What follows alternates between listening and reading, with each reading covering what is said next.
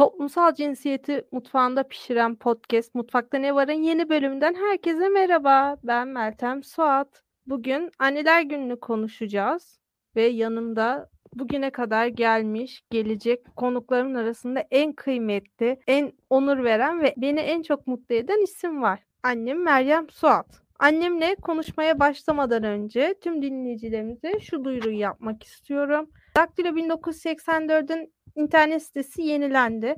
Bundan böyle podcastlerimizi dinlemek için sadece Spotify linkine tıklamanıza gerek yok. Spotify'dan, Google Podcast'ten, iTunes'tan ve tabii ki Daktilo 1984'ün internet sitesinden bizi takip edebilirsiniz. Sitemize girmişken sadece bizim podcast'imizi dinleyip çıkmayın. Birbirinden harika yazılarımıza, programlarımıza ve tabii ki diğer kardeş podcastlerimize de göz atmayı unutmayın. Evet anneciğim bugün koltuğumu 5 dakikalığına sana bırakıyorum. Öncelikle anneciğim ben Daktilo 1984'te ne iş yapıyorum? Daktilo feministliğini yapıyorsun. Ben Daktilo 1984'te Daktilo feministliği yapıyorum. Anneciğim biliyorsun önümüzde anneler günü var. Anneler günü senin için ne ifade ediyor? Herkes anne olmak zorunda mı? Anne en büyük, en kutsal bir kelime. Onu yaşadıkça çok daha güzel duygularla hissediyorsun. Anne olmak değil de anaç olmak çok önemli bence Meltem. Bunu hissedebiliyorum. Biz annemle anne kız olarak birbirinden güzel anılara sahibiz. En değerlisi de annemle birlikte Gezi Parkı eylemlerine katıldık ve parktakilere destek vermeye gittik. Anneciğim herkes anne olmak zorunda mı? Ya da tüm kadınlar doğurmalı diye bir kavram olmalı mı sence? Tüm kadınlar anne olmak zorunda mı? Anne olmayan kadın eksik olur diye bir anlayış doğru mu sence? Hayır, hayır. Sadece doğurmak ve annelik değildir. Anaç olmak önemli bir kavramdır Meltemciğim. Bunu yani herkes, her canlı anne olabilir ama anaç olamaz. Onu ifade etmek bambaşka bir olay biliyorsun yani. Sana olan sevgimle, beraberliğimizle, ne bileyim yani yaşadıklarımızla seninle çok mutlu oluyorum yani Meltemciğim. Ben de seninle çok mutlu oluyorum anneciğim. Anneler günün kutlu olsun. İyi ki benim annem olmuşsun. Seni çok seviyorum. Bir jest yaptın. Hani o kadar heyecanlandım ki yani çok kısa bir şey ama bunu bile ifade ederken çok çok heyecanlandım. Öpüyorum seni. Konuk olduğun için biz teşekkür ederiz anneciğim.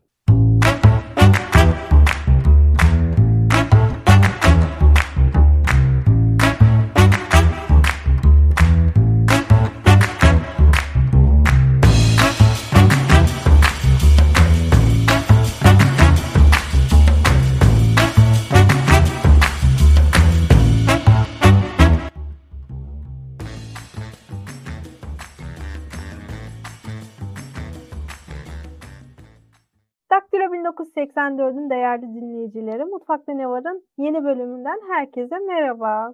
Kez ikinci kez açılış anonsu yaptık. Az önce de dediğim gibi annem konuktu. Annemi yolcu ettik. Şimdi birbirinden harika iki değerli konuğum daha var. Bugün annelik kimliğini, queer ebeveynliği ve trans anne olmanın ne demek olduğunu, transların annelik haklarını Listak'tan Fatma Çim Hanım ve Cambridge Üniversitesi'nden psikolog araştırmacı Umut Vera Tuna ile konuşacağız. Hoş geldiniz Fatma Hanım, hoş geldiniz Vera Hanım. Hoş bulduk, teşekkürler. Hoş bulduk. Vera Hanım, öncelikle ben size söz vererek başlamak istiyorum programa. Annelik kimliği nedir ve kadınların üstünde neden anne olmayan kadın eksik kadındır algısı yaratılıyor. Bunun kadınlar açısından hem psikolojik olarak nasıl etki yaptığını de annelik kimliğinin ne olduğunu bize çok kısa anlatabilir misiniz? Aslında annelik kimliğinin ne olduğu bence bir birey bazında bir de toplum bazında farklı. Aslında bu farklılık o arada insanların kendini eksik hissetmesini sağlıyor. Şimdi e, kadına kadınlara bir doğurganlık kimliği verilmiş. Sanki bu da birazcık tarihten kadının bu şekilde aslında hep toplumda var olmasıyla günümüze kadar gelmiş. Şimdi toplum nezdinde kadın o doğurganlığıyla anne olduğu zaman sanki bir tamamlanmışlık hissi oluyor veya bunun tam tersinden sanki anne olmayan kadınlara toplumda bir eksik nazarla bakılıyor. Aslında birazcık daha toplumun bakışında annelik kimliğini fazlaca kadının bütün kimliği olarak görme var. Fakat bazen işte bu toplumsal baskıya veya toplum bakışına dayanamayan insanlarda yine kendilerinin annelik üzerinden kararlarını bu noktada bence çok da bireysel veremediklerini düşünüyorum. Fakat objektif değerlendirmeye baktığımızda annelik kimliği kadının kendiliği dışında bir çocuk evlat edinerek veya herhangi bir çocukla ilgilenerek edinebileceği, bence ille bir doğurganlık ve dölleğine ihtiyaç duymadan da o duygulara sahip olabileceği ve edinebileceği bir kimlik. Şimdi ben annelik kimliğini program için hazırlanırken biraz araştırdım. Annelik kimliği aslında bu 70'li yıllarda, 50'lerden 70'lere kadar olan dönemde çok ön plana çıkıyormuş. Feminizmin ikinci dalgasıyla birlikte mesela o annelik kimliği, kadınlara anne olma baskısı biraz daha azalmış. Ama günümüzde biliyorsunuz ne yazık ki ülkemizde illaki doğurmalısın, doğurman gerekiyor anlayışı var ve devamlı da çocuk yapmayı teşvik edici politikalar var. Hani ne olursan olsun anne ol, ne olursan olsun işte kadın olmanı tamamla. Mesela Cumhurbaşkanının da anne olmayan kadın eksiktir, yarımdır söylemi var. Devam bir kadınların üstünde anne olma baskısı var. Fatma Hanım hem siz ne düşünüyorsunuz annelik kimliğiyle ilgili? Siz bir LGBTİ birey annesisiniz. Hem çocuğunuzun hikayesini hem evet. öncelikle LİSTAK'ın nasıl kurulduğunu, LİSTAK'ın faaliyetlerini anlatabilir misiniz? Şöyle annelik kimliği olarak, anne olarak e, toplum benden ne bekliyor? Ben kendimden ne bekliyorum? LGBT artı annesi olarak bilgiye ulaştıkça bakış açımın değiştiğini hissettim. Koşulsuz sevmeyi öğrendim. El alem ne der umursamamaya başladım. Bizler de insanız. Tabii ki de hata yapabiliriz. Önemli olan çocuklarımızın yanında durabilmek onlara güvenli bir alan yaratabilmek, öz saygıyı ve güvenli ve özgüvenlerini kuvvetlendirmemiz gerekiyor ve çocuklarımıza sevgiyle sarılmamız gerekiyor. Yani annelik kimliğinden sizlere aktarabileceğim bunlar. Çocuğumun öyküsü ve bize açılma sürecini biraz anlatayım isterseniz. Çocuğum ilk bana ve babasına açıldığında ağlıyordu ve korkuyordu. İlk yaptığımız şey babasıyla birlikte ona sarılmak oldu. Hiçbir şey söylemeden sıkı sıkı sarıldık ve sen bizim çocuğumuzsun dedik ve ben bunun bir hastalık olmadığını ona belirttim, açıkladım. Ama daha sonra Lista bulduk ve Listak gerçekten bize çok şey öğretti. Orada bilinçlendik, öğrendik ve bilinç işlendikçe çocuğumuza daha doğru yönde davranmaya başladık. Özellikle benim çocuğum belgeselini izledik. Daha çok bilgi sahibi olduk. İnsan bilmediği şeylerden korkar. Bizler de e, önceleri korkuyorduk tabii hiçbir şey bilmediğimiz için. Ama öğrendikçe, bilgi sahibi oldukça korkularımızı yendik. En büyük desteğimiz Listak oldu burada. Biz kocaman bir aile olduk gerçekten. Sevgi ve dayanışma ve işbirliğiyle Listak'la daha çok güçlendik ve hala da güçlenmeye devam ediyor. Çok teşekkür ederim öncelikle söyledikleriniz Rica için. Evet Listak çok değerli işler yapıyor. Ben de büyük bir hayranlıkla takip ediyorum. Sözü evet. tekrar Vera Hanım'a vermeden önce birkaç bir şey de eklemek istiyorum. Şimdi Vera Hanım bildiğiniz gibi şöyle bir şey var. Özellikle bu muhafazakar diyebileceğimiz ya da İslam toplumlarında mesela Türkiye'yi de ben Türk İslam Devleti olarak adlandırıyorum. Sadece ben değil herkes. Hani bir Türk İslam Devleti Türkiye ve böyle devletlerde, böyle toplumlarda kaç yaşında olursa olsun, hangi titre sahip olursa olsun kadınların üstünde evlen ve aile kur baskısı oluyor. Ve bir süre sonra bu özellikle ikili ilişkilere çok yansımaya başlıyor. Biliyorsunuz Türkçe'de ne yazık ki evde kalmış diye bir söylem var. Yani belli bir yaşın üstünde olup da evlenmemiş insanlar evde kalmışsın deniliyor ve bu çok acı bir şey. E, şimdi toplumdaki özellikle kadınlara yapılan bu evlen, aile kur. Eğer aile kurmazsan eksik olursun. Topluma katılmanın tek yolu evlenmek ve çocuk yapma baskısı. Kadınların psikolojisini nasıl etkiliyor? Bu ikili ilişkilere nasıl yansıyor bir de?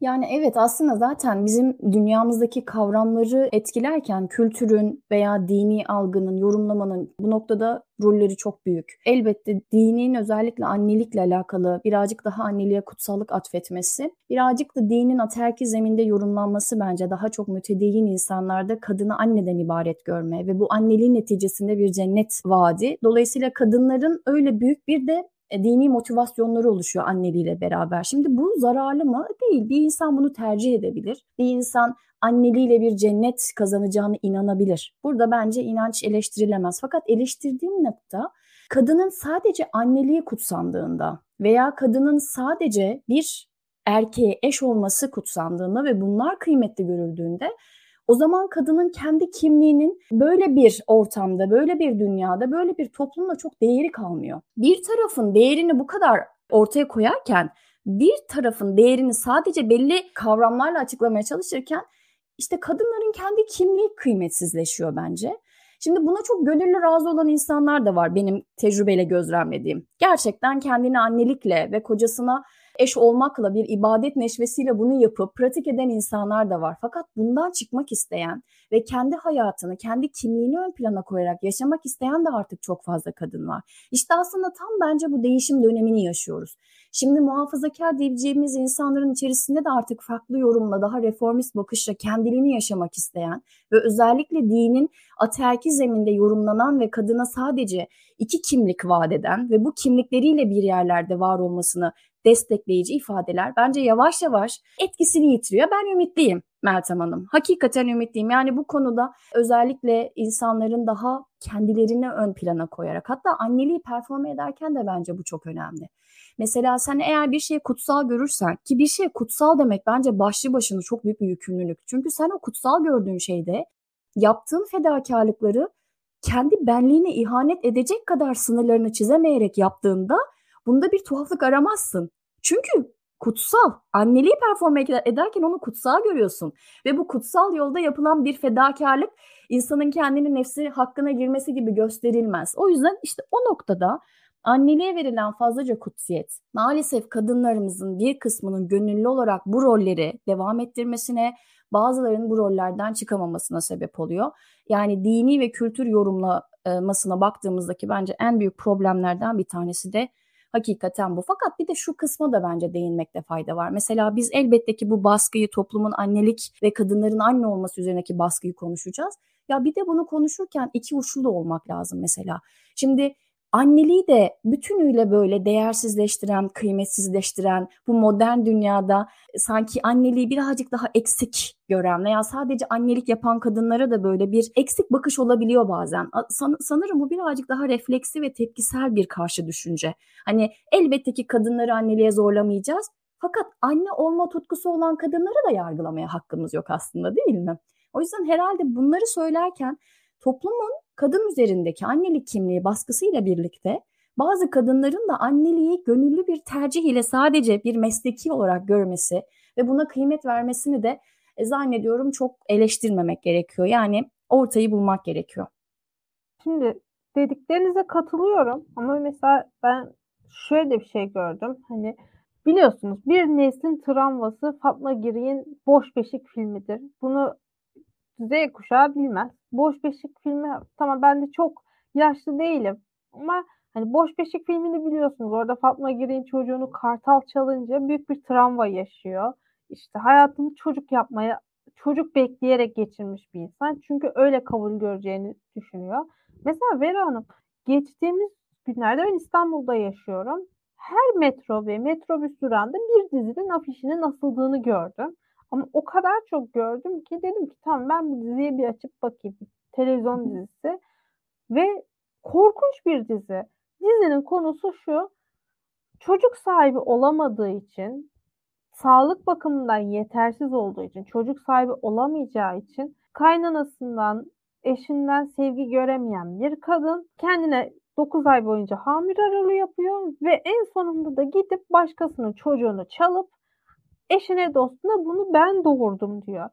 Ya korkunç bir şey bu. Yani ne demek çocuk çalmak? Hani Netflix'e kızıyorlar. Hani şey diyorlar ya e, işte bunlar toplumda ahlaksızlığı özendiriyor, şöyle oluyor, böyle oluyor diye. Yani bir dizi düşünün dizinin konusu başkasının çocuğunu çalıp ele güne ben bunu doğurdum diyen bir kadın ve müthiş bir dramla sunuyor bunu. E, bu kadın anne olamadığı için sevgi göremiyor ailesinden. Yani anne olma baskısını yaşadığı için hani böyle şeyler devam ettikçe bunlar empoze edildikçe aslında alttan alta da şey mesajı da veriyor gibi.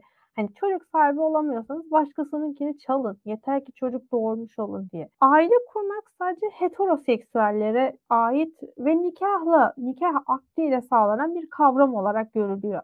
Ne olursa olsun heteroseksüel olacaksın. Onun dışında kişilerin yaşadığı ilişkiler aile olarak görülmüyor ve o kişilerin hani evlat edinmeleri, çocuk sahibi olduklarında da o çocuklar evlilik dışı çocuk olarak görüyor. Peki hem queer aile olmak hem de queer ebeveyn olmak ne demek? Ben Fatma Hanım'a sorayım bunu. Queer ebeveynlik ne demek Fatma Hanım? Ve e, queer bireyler ebeveyn olduklarında ne değişiyor? Heteroseksüellerden bir hani heteroseksüel aile ile queer aile arasında bir fark var mı? Queer ebeveyn olmak bilgi sahibi olduğumuzda ve çocuğumuzla iletişim halinde olduğumuz sürece zor bir şey değil. Çocuğunuzun sizin sevginizi hissettiği sürece hem onun yanında olduğunu da hissettirdiğiniz zaman ebeveyn olarak hem çocuğunuzun açısından hem de kendi açınızdan daha güzel ilişkiler halinde oluyorsunuz.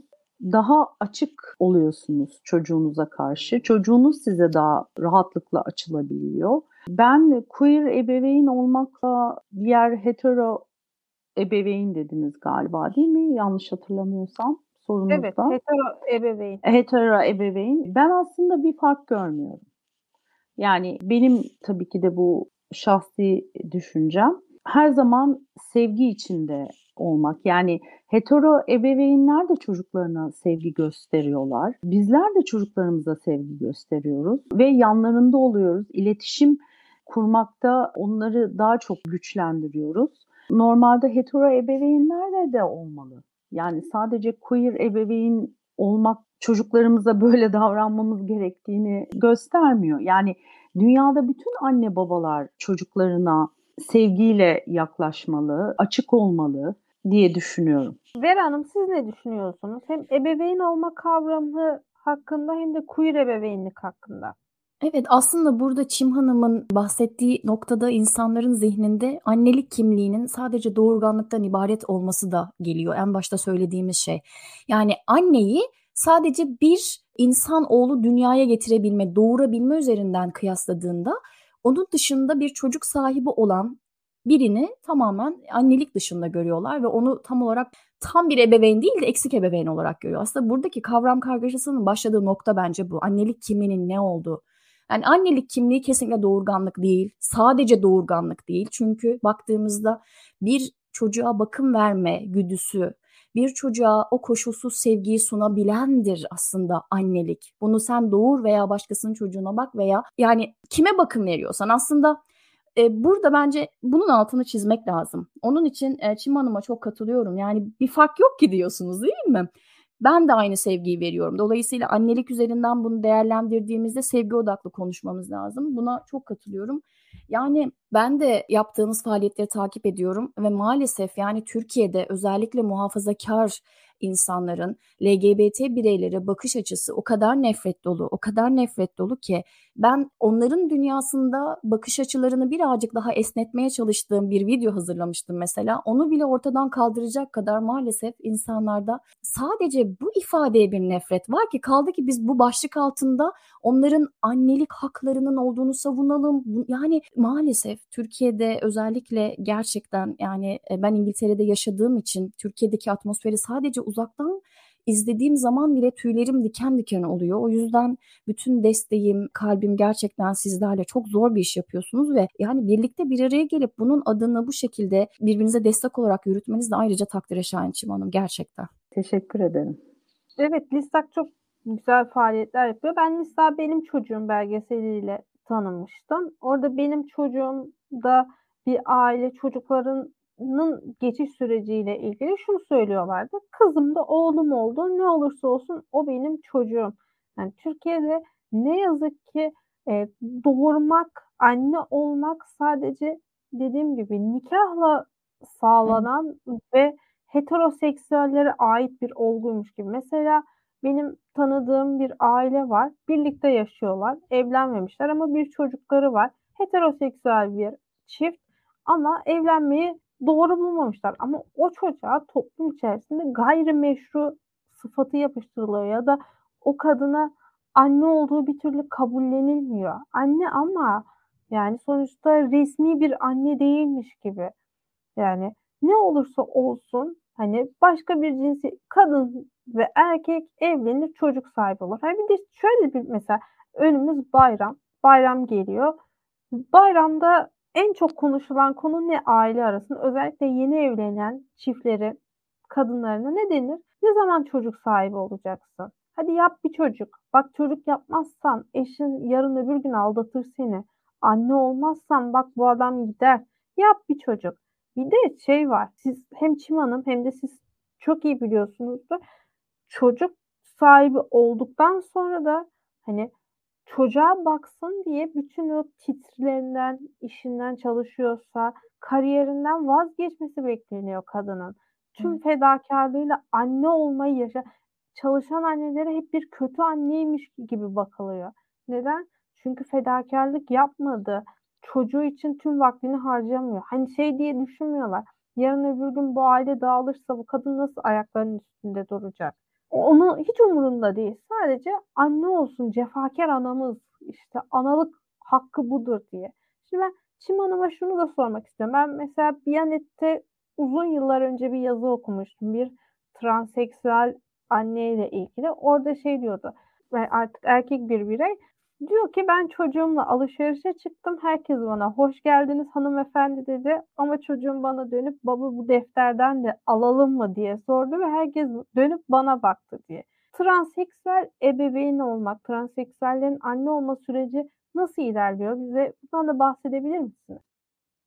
Tabii ki de yani trans anne olmak. Ben ben bir trans anne değilim ama Listak ailemizden olan trans annelerimizin biraz mücadelelerini size aktarmak istiyorum. Türkiye'de trans anne olmak çok kolay değil maalesef ki.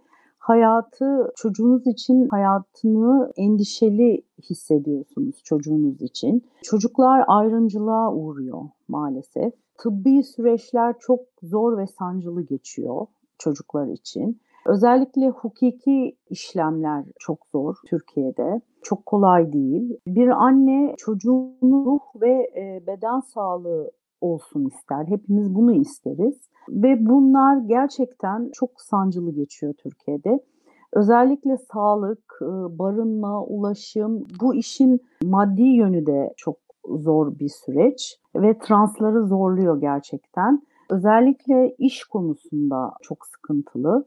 Yani iş bulma konusunda gençlerimiz maalesef Türkiye'de kabul edilemiyorlar. Çoğu ailesi tarafından dışlanıyor ve sokaklarda barınıyor ve maalesef hiç istemediğimiz, hoş olmayan işlerde çalışıyorlar ve gerçekten bu gençlerimiz ziyan oluyor. Çünkü hem aile dışlamış oluyor hem de etraf tarafından dışlanıyorlar.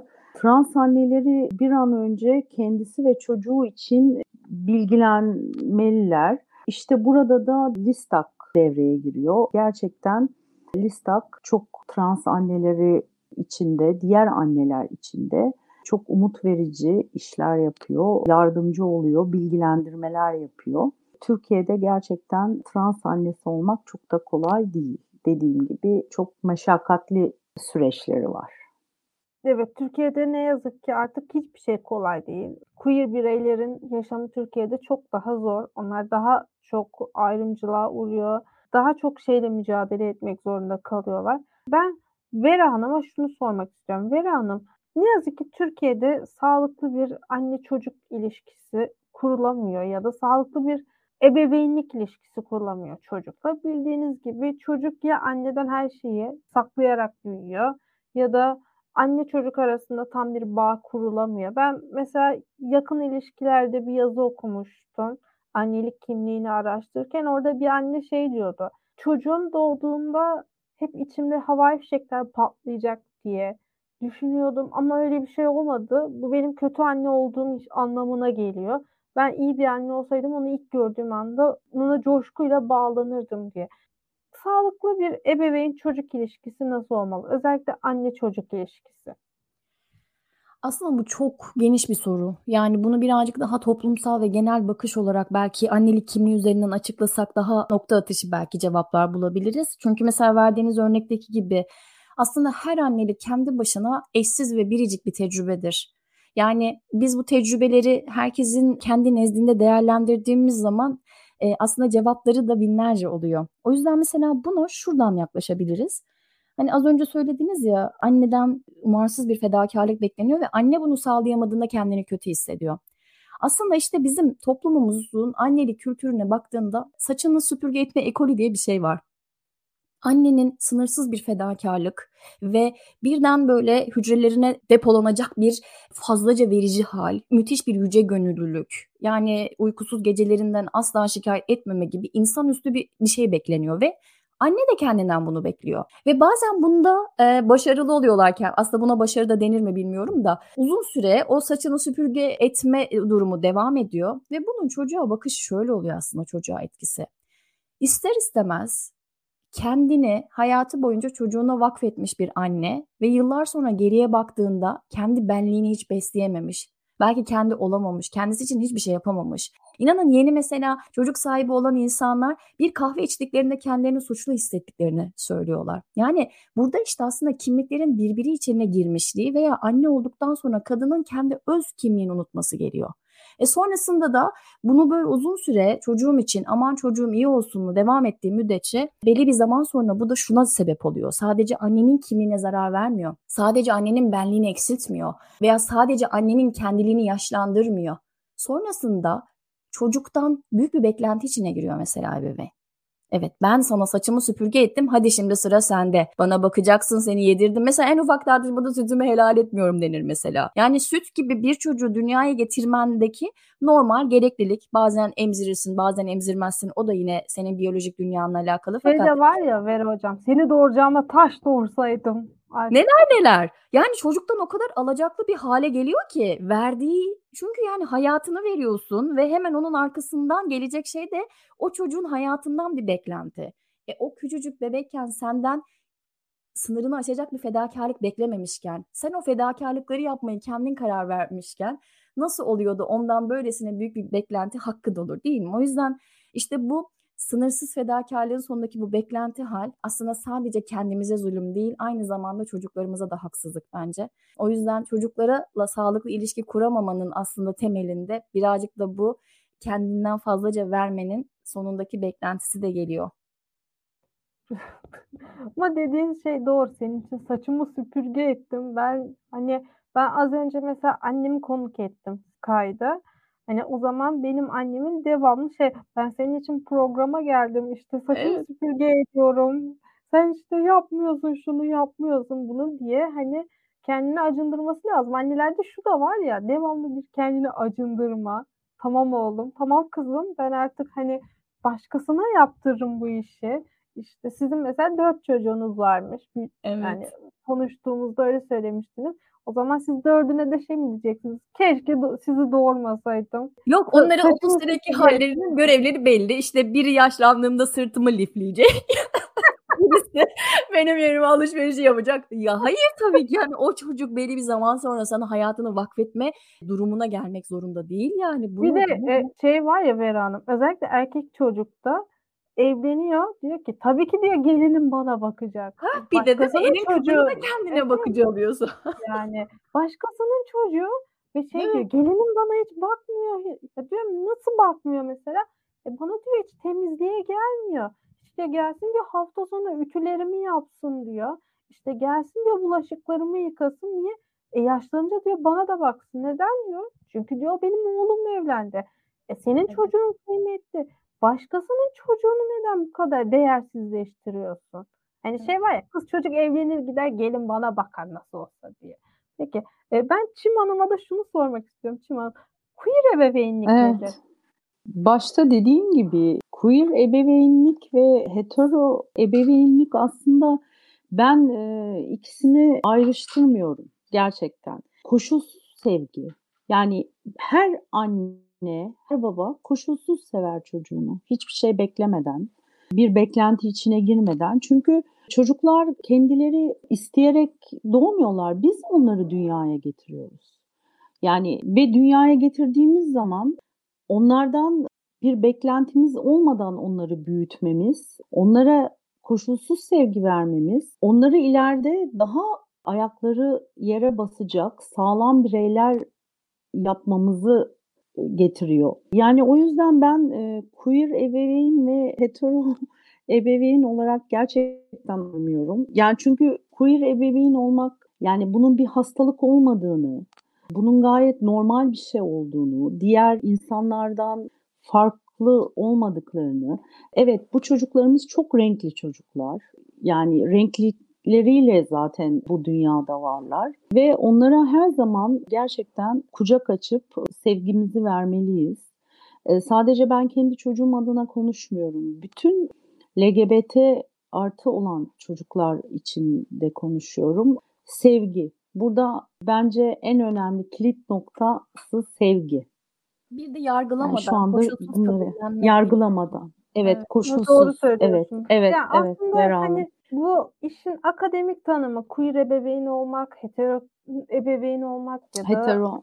evet a- Evet. aile olma tanımı. Yani işin içinde sevgi varsa Evet. doğur doğurma her türlü Evet. iyi bir ebeveyn oluyorsun. Ha, öyle aileler var ki, öyle anneler var ki çocuğuna sevgi veremiyor. O çocuk ileride daha büyük problemler yaşıyor. Öyle anneler de var ki çocuğunu koşulsuz, kayıtsız şartsız sevebiliyor. Asıl annelik o zaten. Hani ne yazık ki dediğim gibi Tabii en ki de. başında bizim toplumumuzda, ülkemizde devamlı bir anne olma baskısı var ama o çocukların ileride ne olacağını kimse umursamıyor. Belki doğur gözüyle bakıyor. Kadın doğurunca kadındır oluyor. Doğurmazsa eksiktir, yarımdır oluyor. Ama kimsenin üstünde böyle bir baskı uygulamaya gerek yok. Eğer seviyorsan, onu hissediyorsan zaten kendi içinden gelerek bir evlat sahibi olursun. Evlat edin, edinme, doğur doğurma. İçinde sevgi olan her şey güzeldir. Ben her ikinizden de anneler günü mesajlarınızı da alayım. Anneler Günü gerçekten çok özel ve hassas bir gün. Ben bu dünyada en çok anne olmayı sevdim. İki tane çocuğum var. İkisi de benim için çok önemli ve özel. Onları gerçekten koşulsuz seviyorum. Ve bütün dünyadaki annelerin çocuklarını koşulsuz sevmelerini istiyorum. Her zaman çocuklarının yanlarında olsunlar. Onlara inansınlar, güvensinler. Güven çok önemli. Bir çocuğa güvendiğiniz müddetçe ileriki yaşantısında her zaman ayakları sağlam yere basacaktır. Doğru bir birey olarak yaşantısını sürdürecektir. Vera Hanım siz Ve sizlerin de anneler gününüzü kutlarım. Ve teşekkürler. Çok teşekkürler. Ben teşekkür ederim. Evet, ben, benim de dört çocuğum var. Fakat anneliğin doğurganlıktan ibaret olmadığı bir zihniyet talep ediyorum ben bu anneler gününde. Fakat annelik böyle sadece hani doğurganlıktan ibaret görülmediğinde o bakım veren ruhu birazcık daha ortaya çıktığında aslında çocuğunun için çocuğun yıkadığın çamaşırları bile aslında senin için bir fedakarlık olarak nitelendiriliyor. O yüzden bakım veren başlığında bir çocuğu koşulsuz sevebilen, gözlerin içine bakabilen, ona gerçekten sevgisini sunabilen, yargılamadan kabullenebilen bütün herkesin, bütün kadınların günü kutlu olsun. Ve aynı zamanda belki şunu da tartışacağımız günlerin gelmesini de temenni ediyorum. Hani bazen evlat edinmeye veya çocuk yapmamaya sanki bir biyolojik eksiklik olarak bakılıyor. Fakat bazı insanların böyle bir dünyaya çocuk getirmek istemiyorum, kararlarının da saygıyla karşılandığı ve normalleştiği bir dünya temenni ediyorum aslında. Anneler Günü'nün daha farklı Listag'ın bu noktada gerçekten dernek faaliyetleriyle ortaya koyduğu bugün Çim Hanım da bizlere bahsettiği her türlü dinamikte aile olabilir ve insanlar rengarenk. gökkuşağı gerçekten söndürülemez yani. Hepinizin günü, bütün kadınların, bir çocuğa emek veren herkesin günü kutlu olsun. Bu anneler gününde bütün anneleri tabii ki de kutluyorum. Ayrıca Listak annelerimizi de özellikle Listak ailemizin anneler gününü de kutluyorum.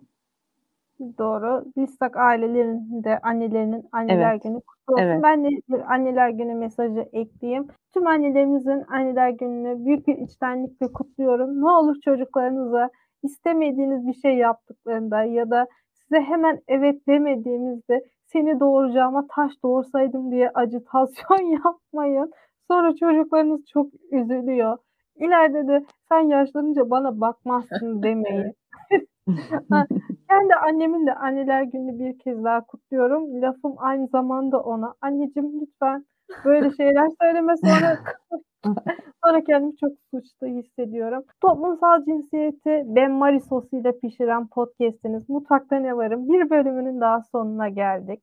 Bizi Spotify, Google Podcast ve iTunes kanallarımızdan takip etmeyi, Daktilo 1984'ün kanalına abone olmayı ve açılışta da dediğim gibi yenilenen web sitemize göz atmayı, diğer programlarımızı da izlemeyi unutmayın. Hoşçakalın.